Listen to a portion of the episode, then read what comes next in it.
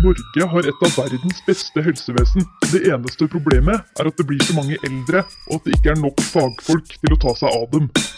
Egentlig så har vi ganske mange helsepersonell i Norge, men et av problemene er at mange slutter etter ti år i yrket. Så da spør jeg dere politikere, hva har dere egentlig tenkt til å gjøre? Ikke bare for å rekruttere nye sykepleiere, men også beholde de som er her. Det tror jeg er et litt stort spørsmål å svare på når podkasten begynner om få sekunder. Everyone clear. Do not touch patient. Shock delivered. Velkommen til en ny episode av Hjelp jeg er sykepleier.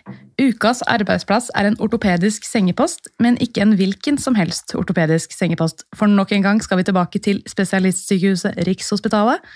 For på denne sengeposten jobber det ikke bare helsepersonell, men også noen bitte små hjelpere, nemlig blodigler. I tillegg til dette så har Rikshospitalet nasjonal behandlingstjeneste for replantasjon, altså å sy på en kroppsdel som er helt eller delvis kuttet av. Dette skal det bli interessant å høre mer om, så da sier jeg bare velkommen så mye til studio, sykepleier Linn Møller og sykepleier Tonje Flå. Tusen takk. Takk, takk. Var det Flå eller var det Fla? Flå. Det var Flå, Ja. så bra. Da, da har jeg sagt det riktig. Ja. Skal vi kjøre på med tre kjappe, da? Hvorfor ville dere bli sykepleiere i utgangspunktet? Ja, for min del så tror jeg det egentlig har vært litt sånn Det sto enten mellom veterinær eller sykepleier, og så tok jeg masse sånne tester, sånn der, hva vil du bli, og sånne ting, og så endte jeg alltid opp med noe sånn helserelatert. Og så har jeg liksom vært veldig sånn interessert i den kontakten med mennesker. Så da var jeg ikke sånn ok, kirurg og lege og sånn, det er kanskje ikke helt meg. Så da ble det liksom sykepleier, da. Det ble mennesker framfor dyr. Ja, Ja. det gjorde det. å Snittet var litt høyere. Ja, snittet. Det spilte ja, en liten rolle ja. der. ja. Altså sånn Karaktersnitt det ødelegger så mange drømmer. det. Ja, men det ødelegger jo sykepleierdrømmer også nå, føler Ja, jeg. det er gjør det. så høyt snitt. Mange som ikke kommer inn, som gjerne skulle tatt en pinne for landet. Så bare nei, du er for dum, får ikke komme inn. Hvorfor ville du bli sykepleier da, Tonje? Jeg vet, det, var, det var ganske tilfeldig, egentlig. Når jeg flytta til Oslo, så trengte jeg en ekstrajobb og begynte å jobbe på rehabiliteringssenter. Eh, Og visste ikke helt hva jeg ville bli, bli i livet. Men da så jeg hva sykepleierne gjorde der, og så at det var mer enn å tørke rumpe, som var vel det man tenkte at det, at det var når man var litt yngre. Og at det så veldig spennende ut, og jeg likte den måten å jobbe på.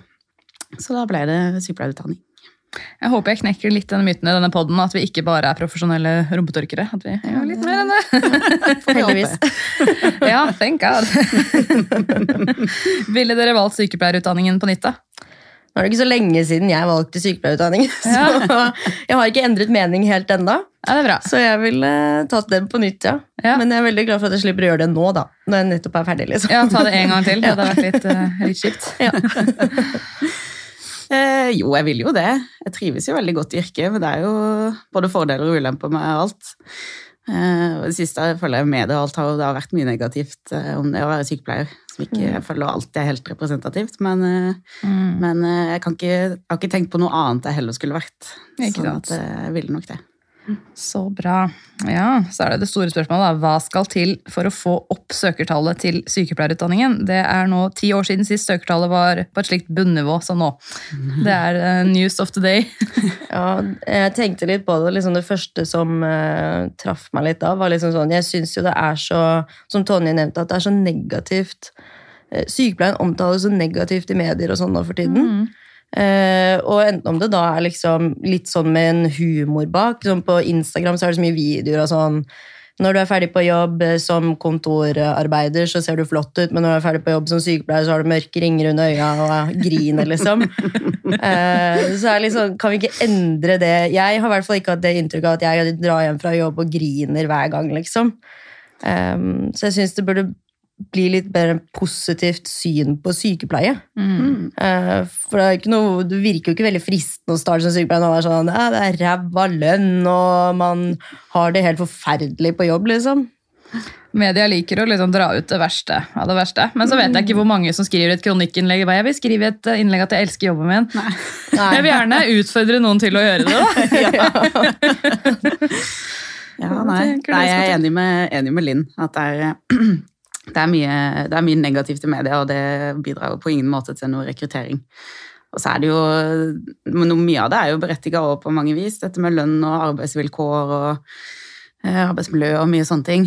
Sånn at det må jo eh, Politikerne må være på banen og gjøre noen endringer der også for å få det mer attraktivt å søke som sykepleier. Ja, for all den negativiteten i media, det er jo et litt sånn tveget sverd. Altså På den ene siden så håper man at politikerne og ledere skal våkne opp og ok, selvfølgelig skal dere få bedre bemanning, selvfølgelig skal dere få bedre lønn. Men det skjer jo ikke. Nei. Og det er sånn, Hvor lenge har de ikke holdt på med å være så mye? Må ha bedre lønn! Ja, det er det som skjer, folk bare, å fy faen, det der skal jeg ikke bli. så det er vanskelig, for man vil jo liksom fortelle litt sånn, sånn er det, men det, altså, kan man sende inn dette bare til politikerne, og ikke til folk der ute? Ja, det er det. Bare ta det litt sånn, skyve det under bordet. Liksom. Vær så god, her er det bra. Nei, det er, det er vanskelig der, altså. Men det der å se jævlig ut etter jobb, altså, jeg, jeg ser ikke veldig opplagt ut etter aftendag, det må jeg bare si. Nei, eller nattevakt. Jeg prøver å, når jeg er så heldig, når jeg er så heldig å ha ønsketurnus, jeg prøver å ha minst mulig aftendag, og så lenge jeg får styre det litt selv, så går det egentlig ganske bra. Ja. Men før vi snakker om avdelinga deres, få høre litt om dere, da. Eller så lytterne blir litt kjent med dere. Linn, du kan starte. Ja, Hvem er jeg du? eh, Hvem er jeg? Eh, jeg eh, etter jeg var ferdig på videregående, så reiste jeg litt. Og så var jeg i Forsvaret, oppe i Bardufoss. Og så eh, starta jeg på studiet i 2019, så jeg ble jo sånn koronasykepleierstudent. Eh, Jeg klarte heldigvis å komme meg gjennom det med alle praksiser og litt sånn tilrettelegging, men eh, eh, ja, og så jobbet jeg på, mens jeg var på studiet, så jobbet jeg på en bolig for psykisk eh, utviklingshemmede. Og trivdes egentlig veldig godt der, så var jeg litt sånn usikker. og ferdig, sånn Skal jeg starte på eh, noe sykehus, eller skal jeg fortsette her? Tenkte jeg at uh, alle de andre starta på sykehus, så var jeg sånn, ok, jeg burde kanskje gjøre det, jeg òg. liksom, litt. ja, prøve å liksom, uh, bli litt sånn god på prosedyrer og ting jeg har lært. da. For det var ikke så mye av det på den boligen. Så da søkte jeg litt forskjellige jobber, og så var det på Riksen jeg var på intervju, og så var det der jeg endte opp, i september. Så har ikke jobba der dritlenge. Det har jeg ikke. Men det er du som styrer Instagram-kontoen? Det er meg. Ikke sant? Så tatt litt Jeg førersett allerede. Tidlig inch. Hvor er du fra? Eh, Jeg er fra Bærum, Fra Bærum. ja, så ikke så langt unna Oslo. Flytta hit uh, i forrige fjor. Ja. Mm. Så det er meg, kort observert. Veldig kort. Tonje, da. Hvem er du, og hvor er du fra? Eh, nei, jeg er fra Lillesand på Sørlandet. Så jeg flytta til Oslo i 2011, var det vel? Ja. Så da jobba jeg et år på rehabilitering og tok opp litt fag og sånne ting. Og så begynte jeg på sykepleien eh, da i 2013. Ja, nå ble jeg litt usikker. Jeg var i hvert fall ferdig, i 2015. Ja. ja. og mens jeg studerte, jobba jeg på rehabiliteringsavdeling, som etter hvert ble sykehjem, fordi de flytta jo og lagde helsehus i Oslo. Eh, og så, når jeg var ferdig å studere, så begynte jeg å jobbe på kirurgisk poliklinikk på Rikshospitalet. Så var jeg der et år. Men som nyutdanna så følte jeg at jeg trengte å jobbe et sted hvor man fikk litt mer helhetlig sykepleie og dette med prosedyrer og alt man lærte på studiet. Poliklinikk er ganske sånn snevert. eh, Mye sår og mye skopier og sånt. Klippe turnus, da. ja, det gjør man. Men som en nyutdanna sykepleier Da trenger man litt turnus, tenker jeg. Så trenger man, Man man, trenger pengene som er i turnus. Man gjør det. Så da begynte jeg vel i 2016 da, å jobbe på ortopedisk sengepost på Rikshospitalet. og har vært der siden. Så gøy at du begynte på poliklinikk, for jeg føler alle begynner på sengepost, og så enten når man blir eldre eller når man får barn, så går man Mm. over til poliklinikk da for å slippe turnus. Ja, man gjør det. Og det Ja. var helt For jeg var bare sånn, sånn søkte på alt jeg fant når jeg Ja. var ferdig utdanna, og så var det det første stedet jeg fikk tilbud, så da var det tilfeldig egentlig at jeg havna der. Hvordan var det å gå over og da jobbe på sengepost med turnus? Det gikk egentlig helt greit, for jeg jobba litt ekstra på det som da ble sykehjem, samtidig mens jeg jobba på poliklinikk, og har egentlig jobba turnus hele livet på andre typer jobber, så det gikk enkelt. Det var nesten en mer større overgang å gå over til å jobbe daglig på poliklinikken enn det motsatte. Ja. Ok, så denne avdelinga dere jobber på, da, ortopedisk sengepost på Rikshospitalet, det må vi høre litt om, men sånn first thing first, hva er egentlig ortopedi, for de som ikke vet hva det er? Eh, altså, ortopedisk kirurgi er jo, eh, altså, det er jo kirurgi i bevegelsesapparatet, er vel liksom store definisjonen på det. Så det er jo skjelett og sener og nerver og, og Muskler. muskler. Ja. Mm. Ja. Hvordan er uh, avdelingen organisert? Hvor mange sengeplasser er Har dere, har dere de tallene, liksom? Eh, ja. Jeg bare er det. Eh, Nei, vi er vel opprinnelig en sengepost med 17 sengeplasser, som er ganske liten egentlig, og rundt eh, 30 ansatte. Um, så er det fordelt på, vi har en eh, intermediærstue, og så med fire sengeplasser, og så er resten sengepostplasser. Eh, Og de er fordelt, for vi er tre seksjoner hos oss, så vi er ikke noe tun eller delt opp noe, noe sånt, men vi har tre seksjoner som vi server, og det er hånd, hånd- og mikrokirurgi, og ryggkirurgi, og det vi kaller barn- og rekonstruktiv kirurgi. Det er litt misvisende, for det er ikke nødvendigvis barnepasienter, men, Nei. eh, men det er det vi De er liksom definert som barn hos oss, men de er vel fra 16 år, er det ikke? Ja, så det kan komme en barnepasient som er 40 år, eh, så det er litt sånn. ja, sånn, ja. ja.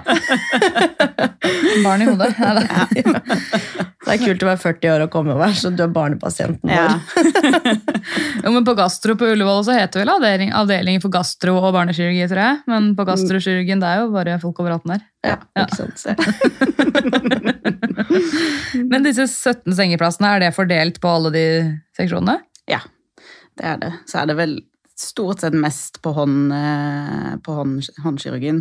For der har vi Altså, vi har jo uhjelpsfunksjon overalt, men der tar vi nødhjelp og har jo da landsfunksjon på replantasjoner i Norge og sånt, så der er ofte antall pasienter litt større enn på barn og rygg, da. Mm. Har dere et eget mottak for deres pasienter, eller kommer de til et mer generelt mottak før de kommer til dere? Ja, de kommer til vanlig akuttmottak, på, Ja. ja. så ikke noe, ikke noe eget. Men Fins det et akuttmottak på Rikshospitalet? Ja. Ja, For det tror jeg ikke så mange har hørt om. Nei, Nei, jeg tror det er ganske lite ja, Men det fins. Ja, det fins. Jo, Venninna mi var der faktisk i praksis, når jeg tenker meg om. Back in the days. Hun sa det var mange avokadosteinulykker. At folk skulle fjerne avokadosteinen, og så kutta de hånda si. Det har vært noen av de òg, ja. Det kommer kanskje til dere? Ja, det gjør de da. Avokadoulykkene. Morsomt navn. Men eh, hva slags eh, faggrupper jobber hos dere? Det er vel ikke bare sykepleiere? Nei, det er jo eh, Fysio har jo en stor og viktig rolle. eh, Å få mobilisert pasientene og hjelpe til med opptrening, eh, spesielt av fingrene, som da kan stivne veldig. Og, um, og så har vi jo ergoterapeuter og eh, syk, eh, som er veldig viktig. Det er mange som går gjennom mye traumer og mister fingre, får avrevet en finger eller et eller annet sånt. Det er jo noe som trengs å kanskje bearbeides litt. Um, og vi har eh, Legene. det er legen. Ja, kirurgene. De var ganske samt, liksom. Ja, de spiller jo en god og viktig rolle inni det hele. Um, ja. Er det helsefagarbeidere hos dere? Nei. Nei. Vi hadde det. noen av de stillingene når jeg begynte å jobbe der, Mm. men de forsvant etter hvert. Så vi har litt sykepleierstudenter som går litt helgestillinger, eller så er det bare sykepleiere. Mm. Ja, Hva slags pasienter kommer til dere? Vi har jo vært litt innpå det av Hokado-skader eller skader i hendene. Men hva, hva er det som har skjedd pasientene ofte når de kommer til dere, og hva, hvor er det de skader seg på kroppen? Nei, det er jo gjerne Det er jo hånda eller armen eller liksom alt som har med på en måte arm å gjøre. Eller så er det rygg. Så vi har jo elektive pasienter også. Eh, skoliosepasienter. Eh, barn eller ja, barnepasienter med forskjellig lengde på beina. Eh, eller feilstillinger i beina som må rettes opp. Um, eh, ja Ja, det er jo på en måte, for det er jo Eller protese. Ja, vi har jo, det er litt sånn sær ortopedisk avdeling. For de fleste andre ikke sant, får jo inn Da man gjerne mye den klassiske Hoftebrudd. hoftebrudd. Det er det man forbinder med ortopedisk. Ja. Hoftebrudd. Og det har ikke vi, eh, for det er det Ullevål som tar seg av, sånn eh, lokalsykehusfunksjon. Um, og heller ikke hodetraume. Altså vi har litt sånn rare Det er ofte, ja, som Linn sa, veldig sånn mye medfødte misdannelser Mm. i både armer og bein.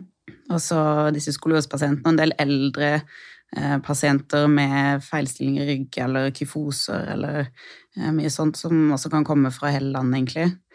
Og så driver vi med noe som heter eh, IS-kirurgi, eller de stive av IS-ledd, som er i bekkenet på Særlig, eller vel, En stor del av den pasientgruppa er ofte kvinner som har født og så hender opp med masse smerter i bekkenet, så de stiver av det.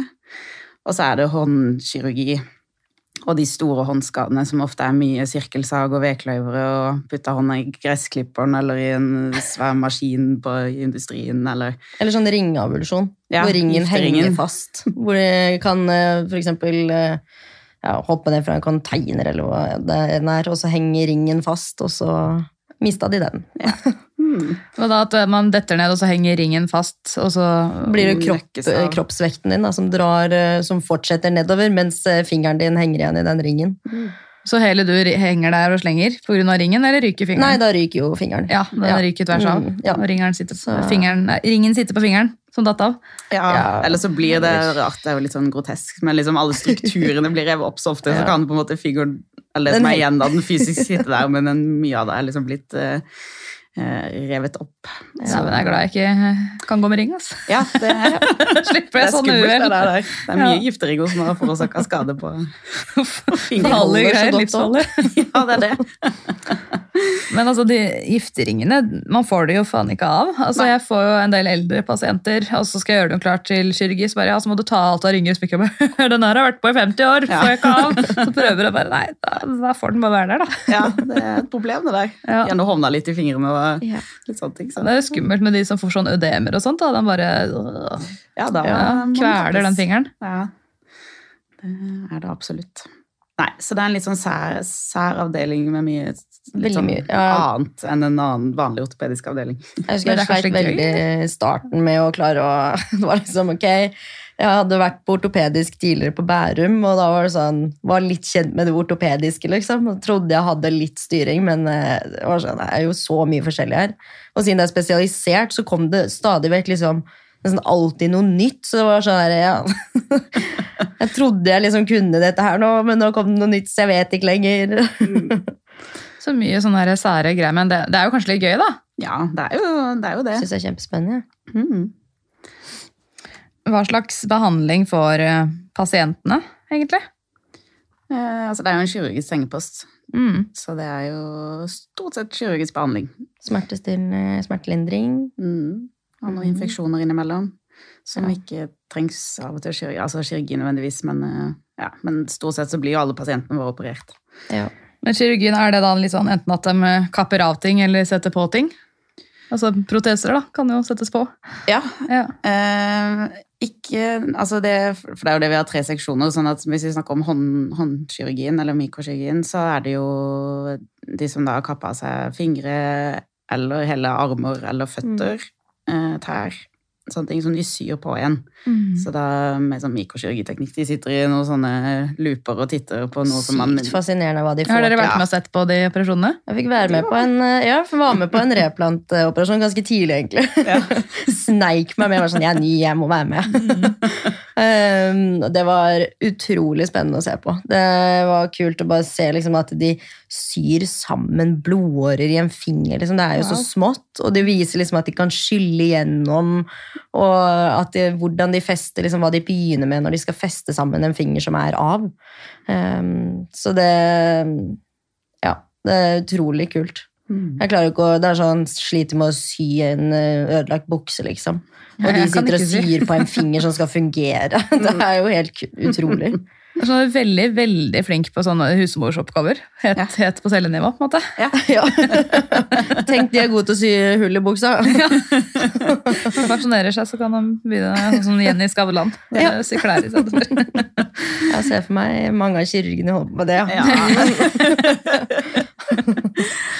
Faktisk, hun som er sjefskirurg på, um, på Uro, hun, hun strikker masse. Ja. Man kan kjøpe sånn strikketøy av henne. Så det, hun, er, hun er god. Ja.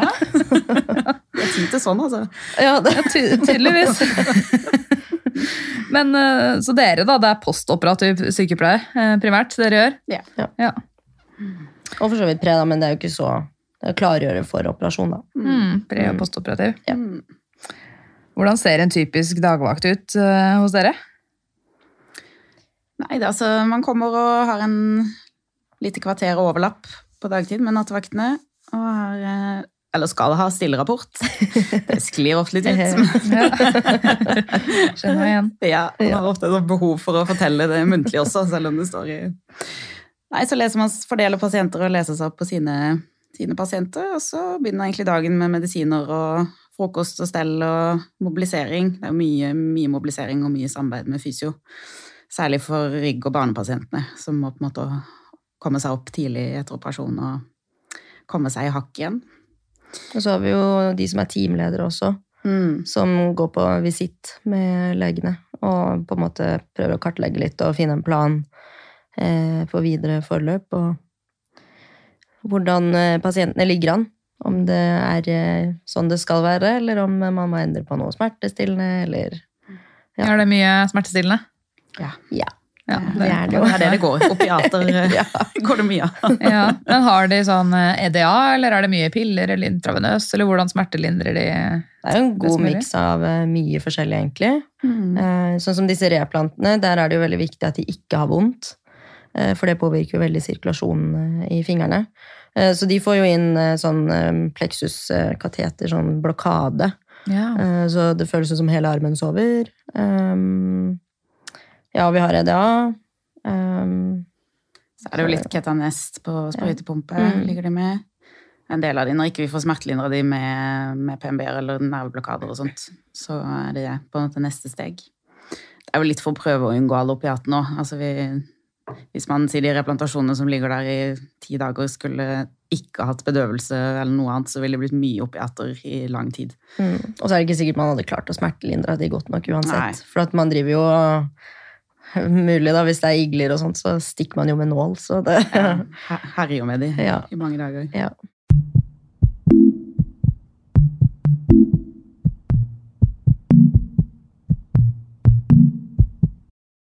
Skal vi gå litt innpå dette med replant, da? Jeg tror Ja. lytterne begynner å bli nysgjerrige. Ok, Tonje. Eh, fortell, hva er det som har skjedd med disse pasientene før de kommer til dere og trenger en replantasjon?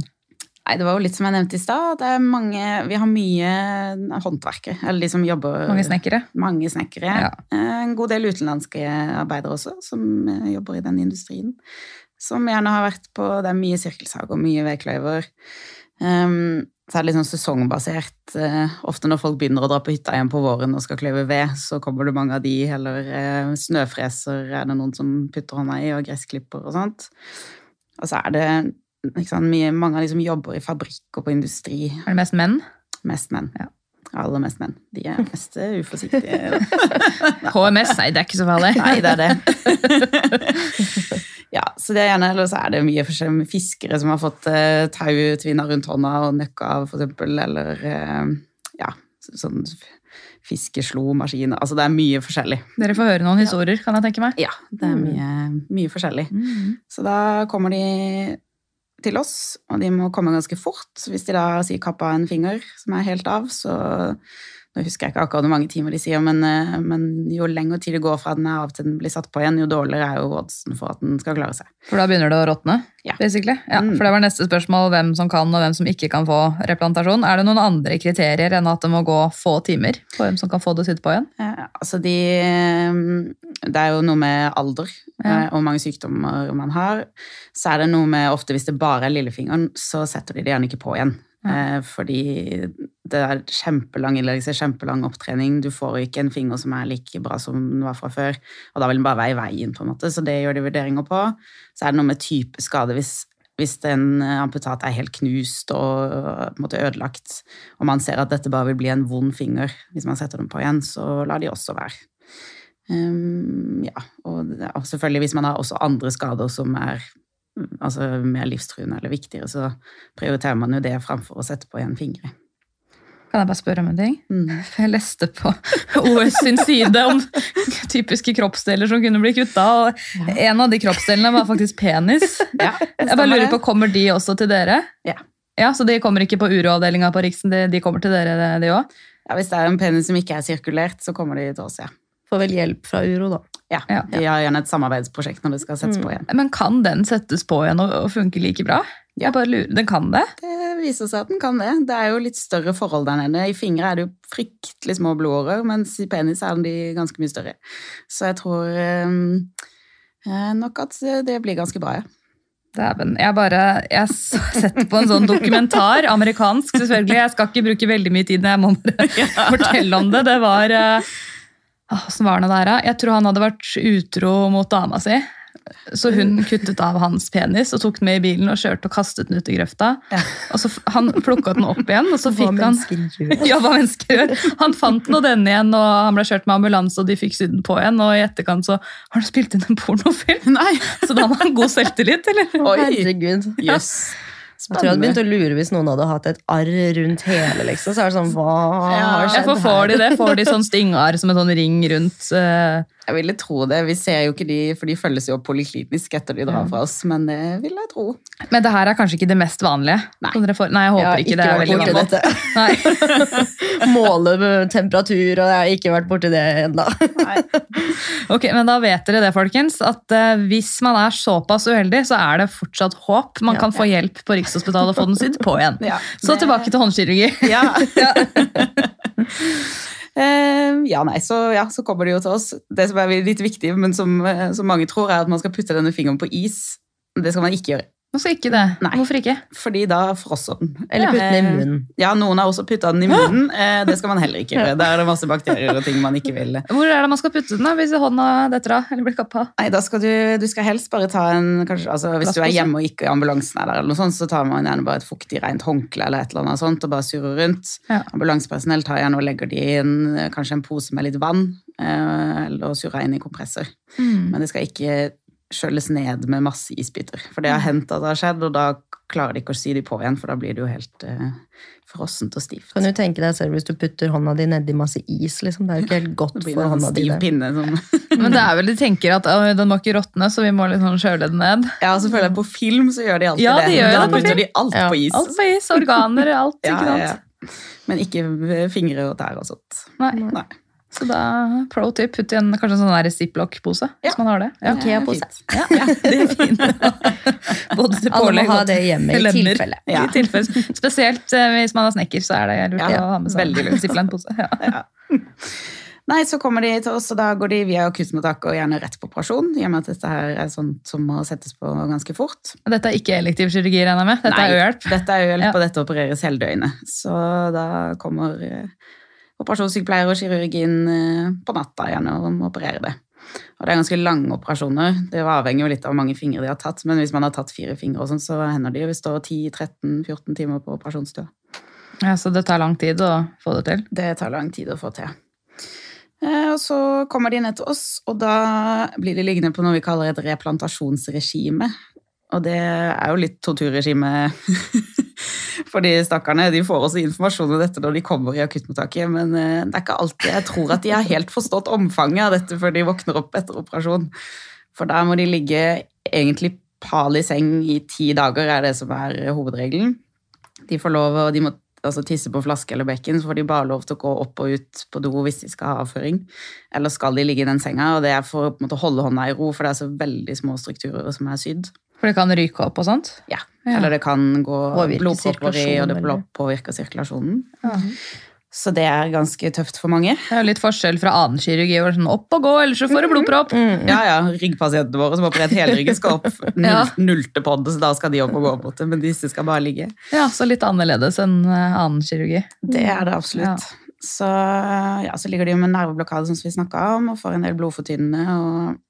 Og så driver vi sykepleiere og måler fingrene en gang i timen. Eh, så da er vi inne med et måleapparat, så vi måler på et kryss som gjerne er satt på fingeren. Da måler vi temperaturen der og sjekker kapillærfylling og farge på fingeren.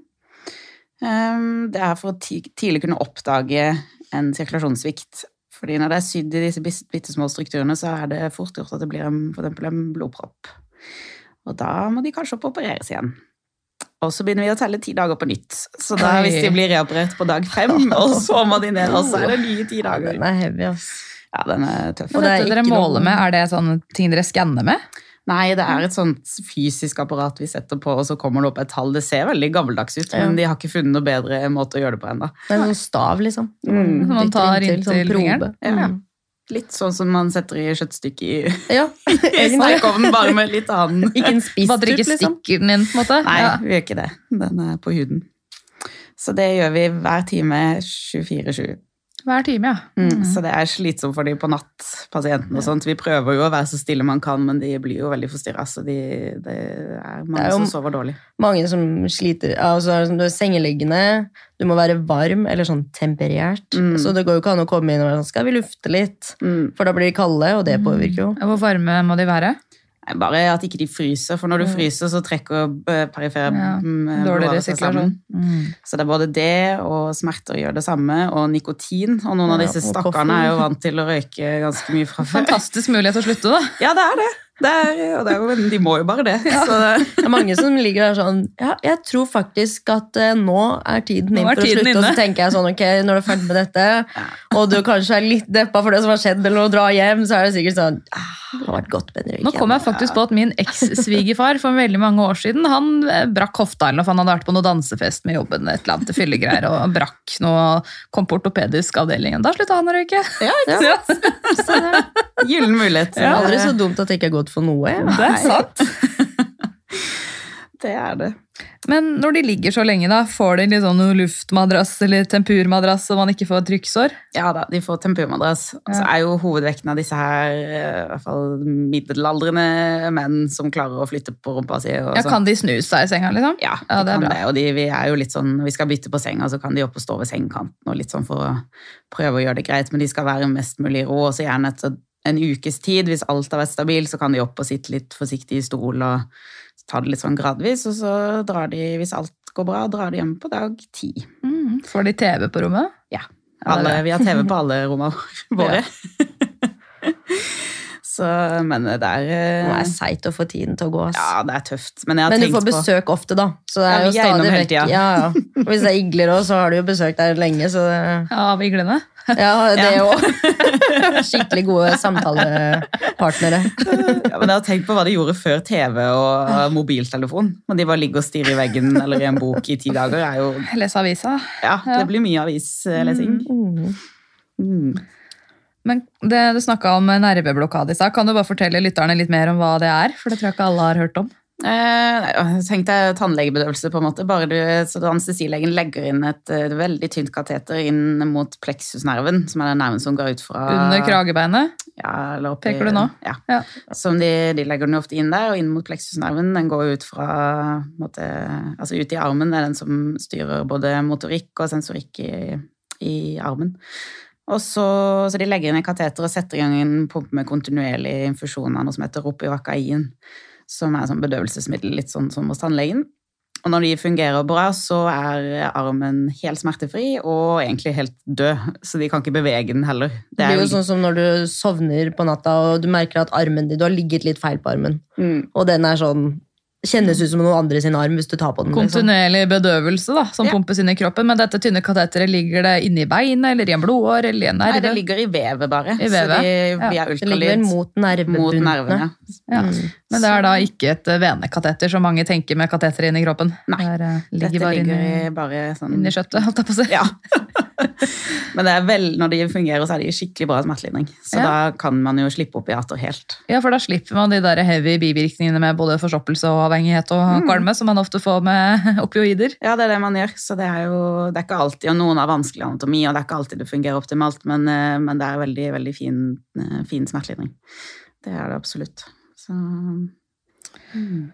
Så bra. Eh, Når pasientene reiser, eh, da følges det kanskje ikke opp hos dere, men vet du noe om hvordan det fungerer med liksom den nye hånda, eller ikke nye hånda, da, men den gamle hånda som er sydd på igjen? Kan de liksom kjenne, kan de gjøre, bevege, kan de gjøre alt som før? Eh, hvis det er små, små barn, så er oddsen ganske god for at det blir nesten helt bra. Men med, altså, jo eldre du blir, jo si, dårlig resultat blir det jo. Ofte er jo dette voksne, altså voksne folk som er hos oss, sånn at følelsen blir aldri helt den samme.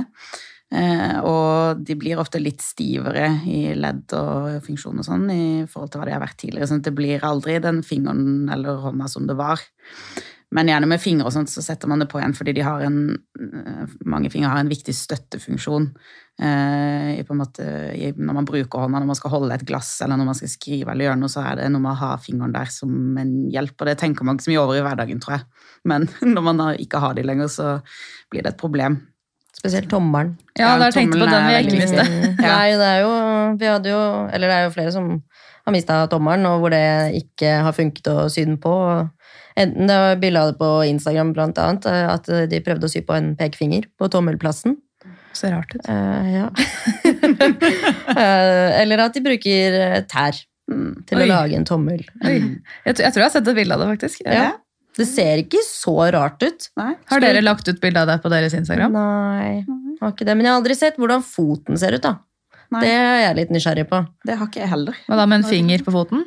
Nei, når de liksom har tatt og lagd De må jo, hva er det de gjør da? De splitter stortåa, eller tar Ja. de den ved siden av stortåa? Nei, de tar ofte en del av stortåa og flytter opp Ja. som en tommel. Så jeg tror det er noe igjen der. Så jeg lurer litt på hvordan stortåa ser ut, liksom. Ja, For de tar ikke hele, de tar litt av den? Ja, Ja, for det er dumt å ta hele, da blir jo balansepunktet Ja, veldig Splitte stortåa i to, ja. Au. Ja, det tenker jeg òg. Ja. Ja. Jeg lurer litt på om det er Det høres eh, vanskelig ut. det er godt jeg ikke gjør det. ja, det er det. Og nå ble jeg us, men eh, jo, jeg er ganske sikker på at det er det de gjør. Men ta det med en klype salt. Det kan være de tar hele, men jeg tror de tar bare en del av den. Men Eller sånn i fremtiden, tror dere at hvis man skulle mistet en tommel, og det er veldig stress å sy den på en, kan man ikke bare få en sånn robottommel? Protese. Kanskje det? Ja, som man kan bevege på. Ja, det er vel framtida, det, håper man, en gang. Ja. Mm. Er det er Slipper man det der i ti dagers sengeleie, kanskje? Ja, Ja. Mm. det ville jo vært eh, bedre for pasienten. Og lang kanskje. opptrening. Det tar jo Ja. typ et år før, sier de i hvert fall, i hvert fall et år, før eh, på en måte du er eh, Du er der hvor du kommer til å bli på en måte ferdig opptrent, og, Ja. og man ser hva resultatet er. Og det er mye trening òg. Ja. Mye hyppig besøk og trening og ja. Lange sykemeldinger. ja. Bare tenker sånn, Hvis jeg hadde mista pekefingeren, tenkte jeg heller kunne fått liksom en type kulepenn her. Ja. Så jeg trenger aldri å leite etter penn igjen. Som sykepleier, liksom. Utrolig kjipt hvis du skal drive og hilse på noen og tegne på alle du møter. da. Bare som Særlig som sykepleier egentlig skal ta på pasienten og bare tegne de. Masse streker, se hvor du har vært, da. Ja, det gjør man. Nei, nå tuller jeg fælt her, folkens. Nå får vi, nå får vi gå videre til din eh, del Linn. Ja. Eh, iglebehandling. Eh, hva, hva i alle dager? Eh, først Ja. og fremst, og hva er indikasjonen for det? ja, det tenkte jeg også da jeg skulle begynne på avdelingen. Ja. Ja, nei, det er jo hos disse som har sydd på fingrene, eller sydd på noe, eh, og hvor det blir en venøs svikt, da. Mhm. Så at eh, de blodårene ikke klarer å drenere blodet tilbake igjen i kroppen. Så det stuver seg opp i fingeren.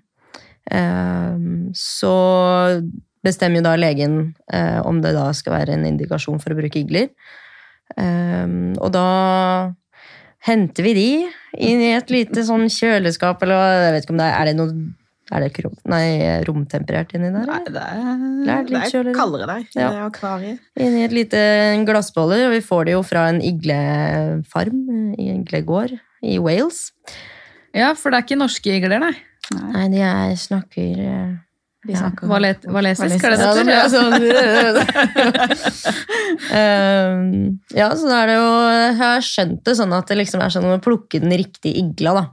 Eh, For hvem som eh, fester seg fortest og spiser best og tjo og hei. Eh, Men å ta med seg en igle, eh, gå tilbake til fingeren, um, og så er det gjerne da å stikke Hvis den ikke blør noe, så stikker vi gjerne en nål, og det syns jeg var guffent. Å stikke den nåla inn i fingeren. Til pasienten, ja. Ja, og det er sånn du stikker den, kan ende opp med å stikke ganske langt inn.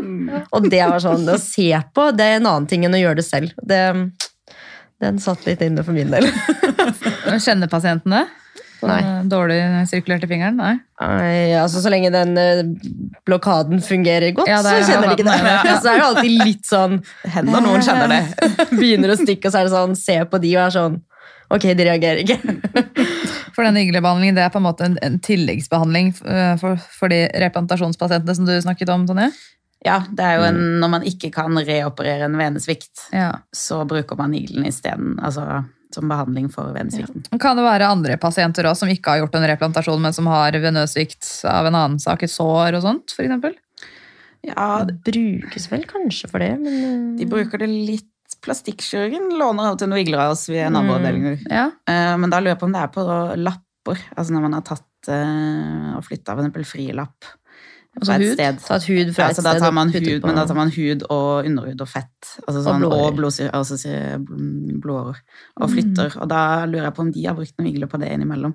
Men det blir jo litt samme konseptet som replantasjoner, at man har eh, Altså man oppretter en ny, ny sirkulasjon på en måte, så man skal sørge for at det går bra. sånn at eh, Ja, for det som skjer er jo da at eh, vi stikker jo hull i fingeren og fester på den iglen, og så sitter den og spiser blod til den slipper av seg selv. Eh, og det kan jo ta alt fra fem-ti minutter til en time. Ehm, og så på slutten, når det nærmer seg, liksom, når de slipper, så spytter de inn De har et sånn blodfortynnende enzym i spyttet sitt, som også hjelper til med um, å få i gang liksom, Få drenert, drenert fingeren, da. Eh, og så må vi jo da, når vi har begynt med iglebehandling, så må vi jo følge med på at fingeren blør. Og hvis det begynner å avta, så prøver vi å sette på en ny igle før det har stoppa å blø igjen. Um, og så holder vi jo på med det lenge, helt til uh, fingeren på en måte klarer å opprette nye sånne vene... Uh, kapillærer. Ja. Så det er dere sykepleierne som putter på disse larvene, holdt jeg på å si, iglene? Ja. Ja. og da må vi sitte og følge med på de Hvordan reagerer pasientene på det? At de skal få sånn lite kryp som skal suge på fingrene deres? er, det er jo litt eh, forskjellig. Noen uh, syns jo det er eh, fascinerende. Jeg tror mange kanskje syns det er litt rart og guffent i starten. Ja. Når du kommer dit, de blir sånn En igle, hadde er sikkert kanskje et ord for noe annet, eller eh, Og så plukker du opp en sånn svart eh, levende kryp liksom, som du dytter på fingeren deres, liksom. Eh, og du er sånn Ja, nå spiser den godt! Og det er sånn Ja, søren. Men ser dere at den blir liksom tjukkere når den spiser Ja. blod? Ja, den Mm. vokser. Ja, det de kan bli veldig store.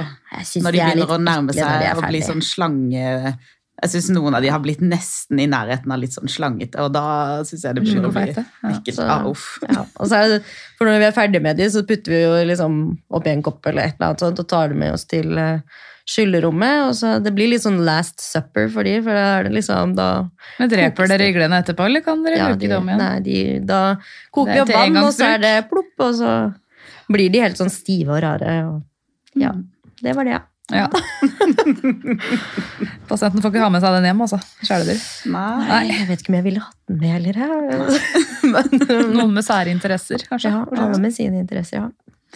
Ok, Så dette er typisk til disse fingerpasientene, men kan man bruke det på andre kroppsdeler òg? Ja, det er jo sånn ehm, Ja, sånn som er hos plastikken, da, hvor det er folk som har hatt det på nesa og Ja, så det er jo også et sted å få en igle. Ja, det tror jeg ikke jeg hadde takla så bra. Ja, Skal på, det er en ting med hånda som du kan holde langt unna deg sjøl, ikke se på. ja, men å ha den sånn midt i hvor det er mange huller om den kan potensielt krabbe inn, føler jeg Ja. Uff. Nei.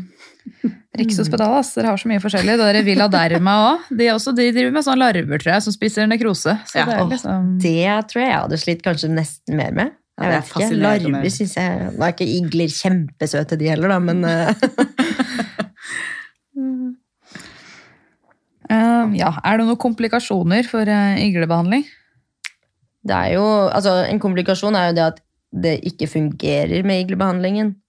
Vil jo jeg kanskje tenke meg. At det Men det er jo mer en komplikasjon av skaden, Ja, da. da. for det, den var jo helt av, så jeg tenker alt eh, Ja. etter det blir jo at det bare pluss hvis man klarer å redde det. Så det er Men- ikke noe infeksjonsrisiko? Jo. Ja, de Ja. får jo en type antibiotika når de settes på eggbehandling. Ja, det gjør det, ja. Ja, Mm. da skifter vi antibiotikatype. For de settes jo på antibiotika etter skaden, siden det er kuttet helt inn til ledd og alt sånt. Ehm, så da endrer de type antibiotika. Mm. Mm. Hva er det dere syns er eh, morsomst, da? Å gjøre på deres jobb? Eh, sånn helt generelt. Ja, Prosedyrer og sånt?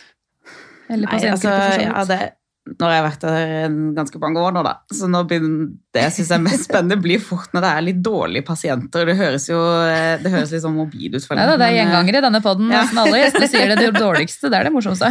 Ja, når man får bryna seg litt på ting man ikke er trygg på. Eh, og det går bra, da, selvfølgelig. Ja, ja det er of course. Så det syns jeg er det mest spennende, når det er litt flere ting, og ikke nødvendigvis bare det ortopediske, men litt mer komplekse pasienter. Det er spennende, syns jeg. Jeg har ikke kommet meg dit helt ennå. Jeg føler liksom at jeg fortsatt er i stadiet hvor jeg er ny, og ting kan være litt utrygt uansett. Så det er litt sånn Du vil ikke ha de der alvorlige osteomyelitt-sepsispasientene? det kan noen andre få Ja, ta seg det kan Tonje ta. det kan Tonje ta, så jeg, jeg syns det er veldig spennende. Jeg, den ferske typ som er sånn, syns det er veldig spennende å bare lære om alle de ulike tingene som er hos oss, egentlig. For det er så å bare prate med fysio, prate med kirurgene, lære og De er jo veldig gode til å eh, forklare og um, vise og alt sånt. Så um, ja, jeg tror jeg bare syns at alt Det faglige, egentlig, der er veldig spennende. Skal vi kjøre på med litt Q&A, da? Ja. Kjør. Skal vi se Har riglende navn. Hvor bor de, og hvor lenge lever de? Er det noen som spør? Ja, jeg synes det hadde vært morsomt hvis vi hadde begynt å liksom ta legen som er på vakt, eller noe sånt. At iglene får det som navn. I dag er det Andreas som skal få lov til å spise. ja. Um, Nei, de har ikke, men at det har noen pasienter som har gitt de navn. Ja, det er det. Ja, og litt avhengig av hvor god jobb de har gjort. Så hvis det er en sånn litt sånn ADHD-igle som ikke klarer å roe seg og sette seg ned og spise, eller sånt, så har de gitt navn som de føler passer til det. Eller hvis noen sovner i matfatet, så har de gjort det. Så det hender det.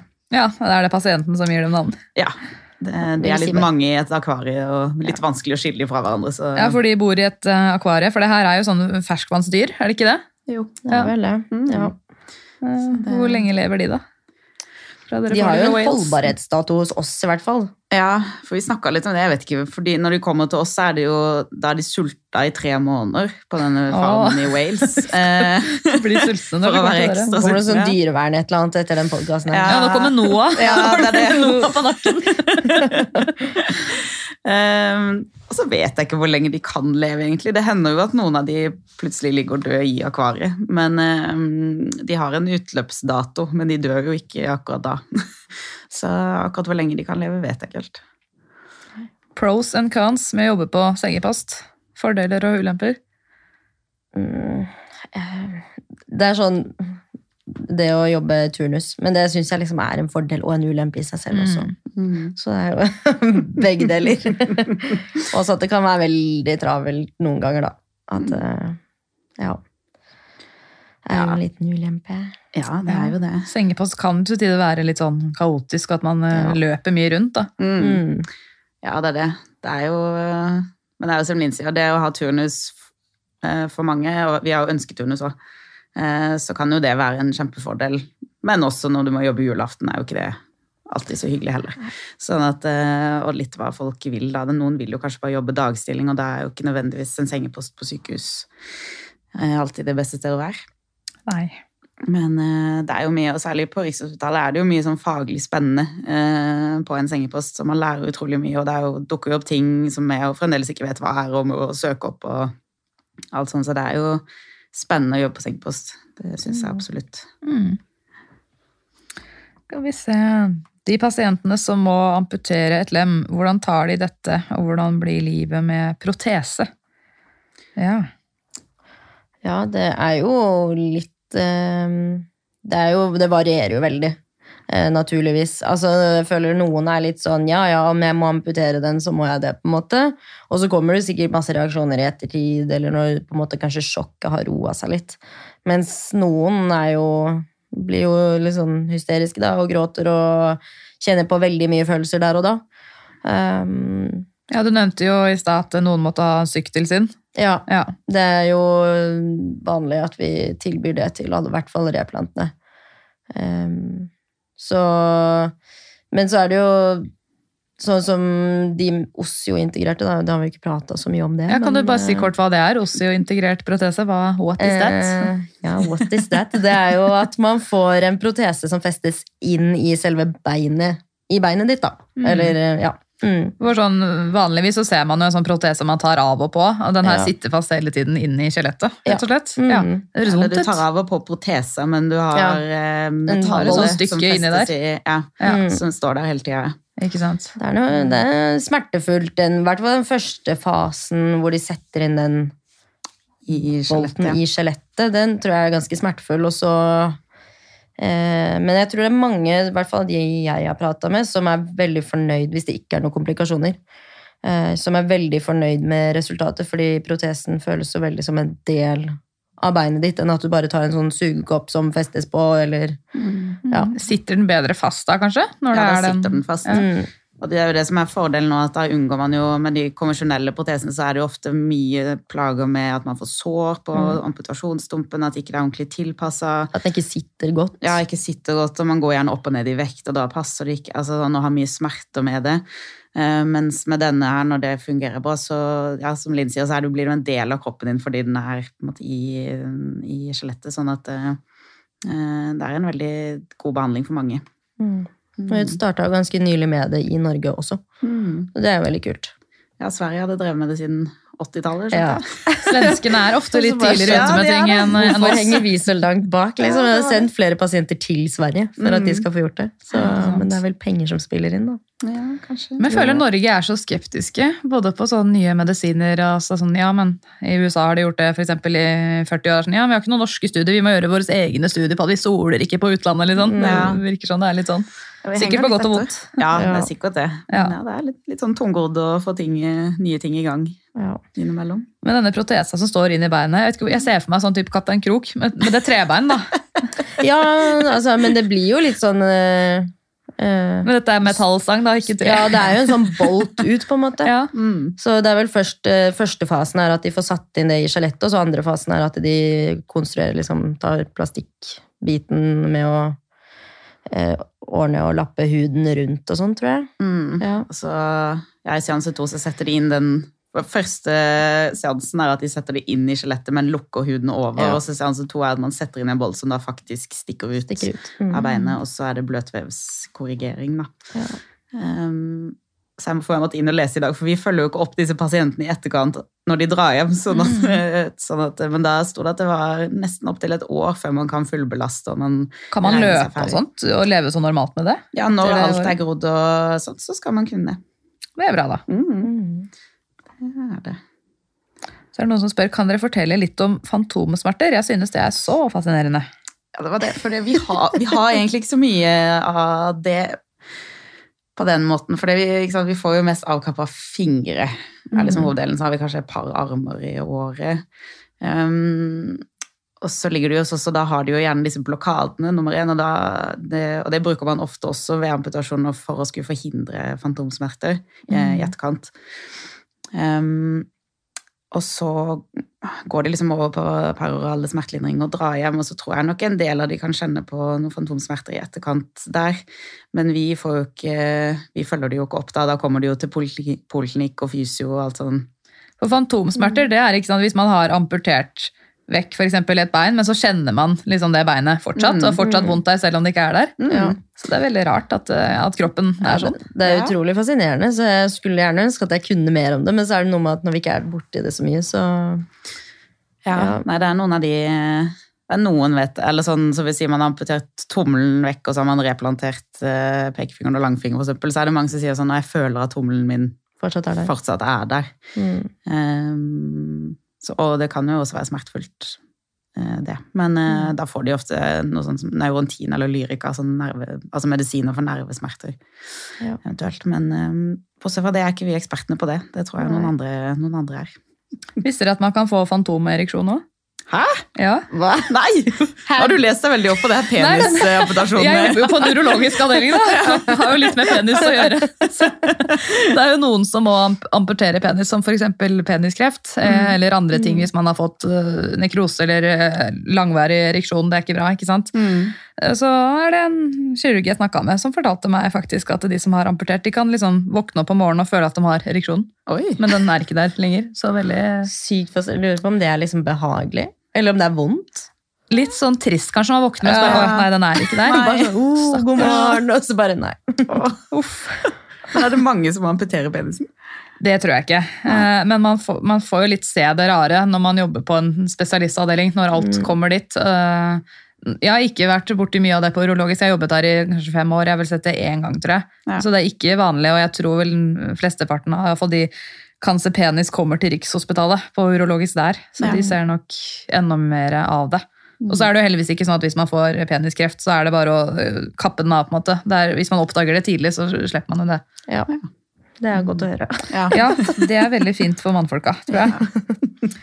Synes dere noe er ekkelt i jobben deres? Nei, det var jo som jeg nevnte, da, dette med å stikke disse nålene langt inn i fingeren, syns jeg var ekkelt i starten. I hvert fall. Det går jo bedre nå. Men det Men Er det ekkelt fordi det ser ekkelt ut, eller du tenker sånn åh, nå påfører jeg noen smerte, dette er ekkelt på grunn av det? Jeg vet, åh, jeg, jeg, vet ikke helt. Jeg tror det bare Jeg har en liten greie for det med å se liksom nåler inn i huden. Men når jeg gjør det selv, så går det liksom greiere. Men det å se andre gjøre det Ja. den, ja, det er bare Tanken på å liksom få det selv, da. At noen stikker den nålen dritlangt inn i fingeren din. det er bare- ja. Ja. Ja, man blir jo, jeg syns det og iglen og sånn i starten var litt ekkelt. Men så blir man jo veldig vant. Men jeg tror kanskje de Vi har jo innimellom de som får sånn nekrotiserende fasitt, sånn kjøttetende bakterie. Mm. Eh, Er det mye av det hos dere? Ja, jeg synes det går litt i perioder. Ja. De har gjerne vært på lokalsykehuset i noen dager og fått sanert og revidert dette her, og så kommer de til oss for å få dekt over og fiksa det som er igjen, da.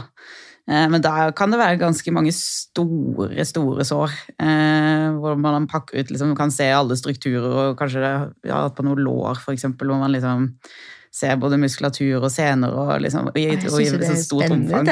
Altså, det er jo veldig spennende, Ja. men det kan være litt, det er litt sånn jeg føler det, det er som om noen bare har dradd av huden på noe, og så ser man hele Ja. Men ting litt- som er ekkelt, er jo litt spennende. Altså, folk blir jo operasjonssykepleiere og ser på groteske ting. Man må jo være litt Ja. spesiell for å jobbe i helsevesenet, sånn egentlig. Ja. I hvert fall med Eh, ja. kirurgi. Ja, ja.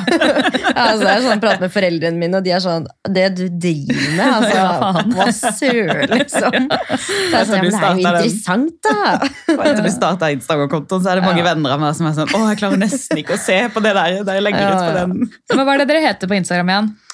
Ortopedisk sengepost? Ortopedisk understrek Ja, sengepost? understrek. Mm. Ja, ikke noe mer Rikshospitalet, men da kommer man Nei, jeg tror ikke det er noe mer enn det, altså. Jeg skal gå inn på jeg usikker. For jeg føler så mange ortopediske avdelinger. sengepost. Dere er uh, favoritt-orto-instagram. Ortopedisk understrek sengepost, ja. For noen av bildene uh, Nå får ikke jeg sånn advarsel lenger, da, for jeg har sett på dem før, men sånn som de der, så er det sånn advarsel. Vil du virkelig se Ja, dette bildet? ja, Liksom? mm. Jo, der, der er det en sånn. Ja. Skal vi se hva det her er for noe, da.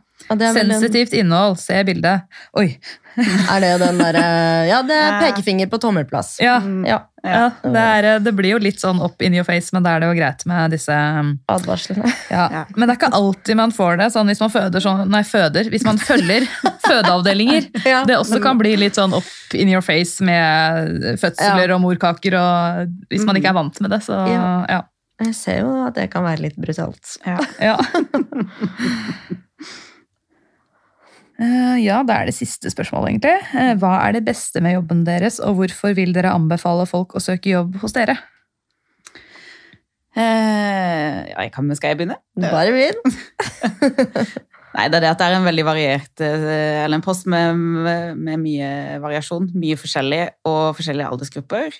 Um, men også vi, er, vi har stort sett på en måte yngre, friske pasienter. Mm. Det synes, jeg husker jeg når jeg begynte der, jeg synes var litt godt. Ikke det at man, altså det å jobbe med eldre pasienter kan også være veldig hyggelig, men uh, det er på en måte eh, det, altså det er mindre stell, det er mer liksom fokus på trening og dette her med Ikke å få korridorpasienter. Ja, det er vi heller ikke. Nei, og det å få fint. de tilbake liksom, i arbeid og altså, sånn, sånn type ting, som er en veldig givende måte å jobbe på. Og så er vi vi er på en måte privilegert i det forholdet at på Ullevål liksom, så får de inn hoftebrud, altså det raser inn på vinteren med hoftebruddspasienter, og det blir korridorpasienter og overbelegg, og, og vi òg kan ha det sånn, men ikke i like stor grad, tror jeg, som de har på de lokal, med lokalsykehusfunksjon. Og så er det, vi har bra arbeidsmiljø å ha det, stort sett Mm. ganske gøy på jobb, mellom både sykepleiere og leger og fysio. og Jeg ser dere er på Grefsenkollen, og dere er Ja, sosiale alle sammen. Ja, Ja. prøver jo å finne på litt sånn hyggelige ting eh, i ny og ne. Mm. Eh, Skape et litt miljø utenfor jobb òg. Det er jo hyggelig. Dere har jo en litt mindre avdeling. Tenker dere det er bra for miljøet? Ja. Det Og så ja, jeg syns avdelingen altså Nå har ikke jeg masse erfaring fra masse andre avdelinger heller, men uh, Litt lettere å bli kjent, kanskje? ja. Og jeg synes jeg trives så godt, jeg. Mm. Og det er så spennende, og du får tid til å på en måte sette deg litt inn i ting. Mm. Så fremt det er uh, rolig, men det er ofte en I forhold til mange andre avdelinger, sånn jeg har skjønt, så er det en relativt rolig avdeling. Så bra. Men vet du hva? Da er vi faktisk gjennom, altså. Kult. Ja. Så Linn og Tonje, tusen takk for at dere kom og gjesta podden min. Det har vært veldig ålreit å ha dere her. Det var veldig takk kult å være her. med. Takk for at du hørte på Hjelp, jeg er sykepleier. Hvis du likte episoden, blir jeg veldig glad hvis du vil dele den videre på relevante plattformer. Jeg blir også veldig glad hvis du vil anbefale den videre til venner, kolleger, medstudenter eller andre folk du tror kan få glede av denne podkasten. Hvis du vil få varsling neste gang det slippes en ny episode av Hjelp jeg er sykepleier, så er det bare å trykke på abonner-knappen her hvor du hører på podkast. Hvis du vil komme med ønsker for podden, eller gi meg tips eller tilbakemeldinger, eller bare følge meg og mitt podkasteventyr, så er du hjertelig velkommen til å følge Hjelp jeg er sykepleier på Instagram. Hjelp jeg er sykepleier er også på Facebook, men det er på Instagram det er desidert mest aktivitet.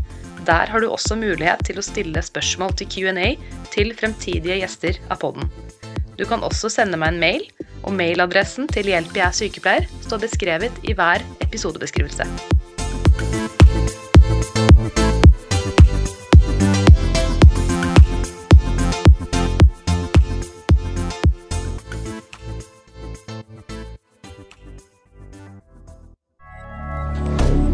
Moderne media. Har du et enkeltpersonforetak eller en liten bedrift? Da er du sikkert lei av å høre meg snakke om hvor enkelt det er med kvitteringer og bilag i fiken, så vi eh, gir oss her, vi. Fordi vi liker enkelt. Fiken superenkelt regnskap.